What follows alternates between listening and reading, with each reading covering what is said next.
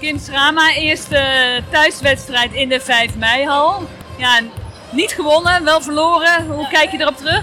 Ik kijk erop terug met een goed gevoel. Ik heb het idee dat we heel ver uh, zijn met het team, al kijkend naar het begin. We leren hier heel veel van en je ziet gewoon dat we hele goede momenten hebben, maar ook gewoon momenten hebben waar je ziet dat we nog heel ja, jong zijn en beginnend zijn en daar moeten we gewoon aan gaan werken. En wat is het, uh, zeg maar het punt waar je het meest denkt van, uh, daar, ligt het nog, uh, daar mist het nog? Ik denk vooral het uitvoeren van de gameplan. Ik, denk dat het vrij lang duurde, dus op sommige momenten voordat we de aanval kwamen. En ja, in defense is het gewoon praten, praten, praten en daar kwamen we soms nog tekort.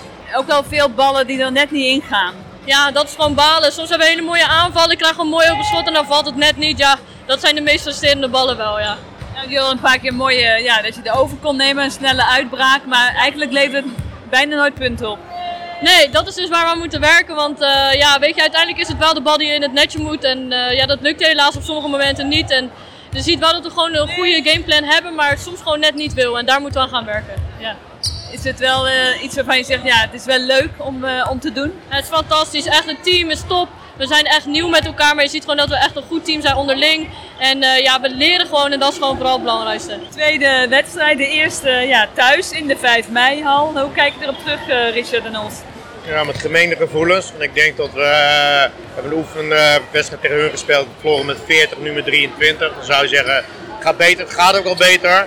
Maar ik denk dat er veel meer in had gezeten dan dat we nu, in, dat we nu laten zien. Het heeft een beetje te maken ook met ervaring, uh, maar ook dingen niet goed uitvoeren. Ik denk dat het nogmaals veel meer in had gezeten dan dat er nu, uh, nu uit is gekomen. Ja, die had een paar keer ook een mooie uitbraak. Dat je denkt van mooie overname, maar het levert eigenlijk nooit punten op. Nee, ik voel ons een beetje uh, angstig spelen zelfs in sommige fases. En als we met les spelen en iets meer uitvoeren wat we op de training wel doen, ja, dan hebben we een ander verhaal denk ik. Maar nou, dat is niet het geval. Dus ik denk ook de onervarenheid en die jeugdigheid van dit team. Is het een kwestie van nog even stug volhouden? Zeker, een beetje een beetje. We komen er wel, maar het heeft ook tijd nodig. Het zal met ups en downs gaan.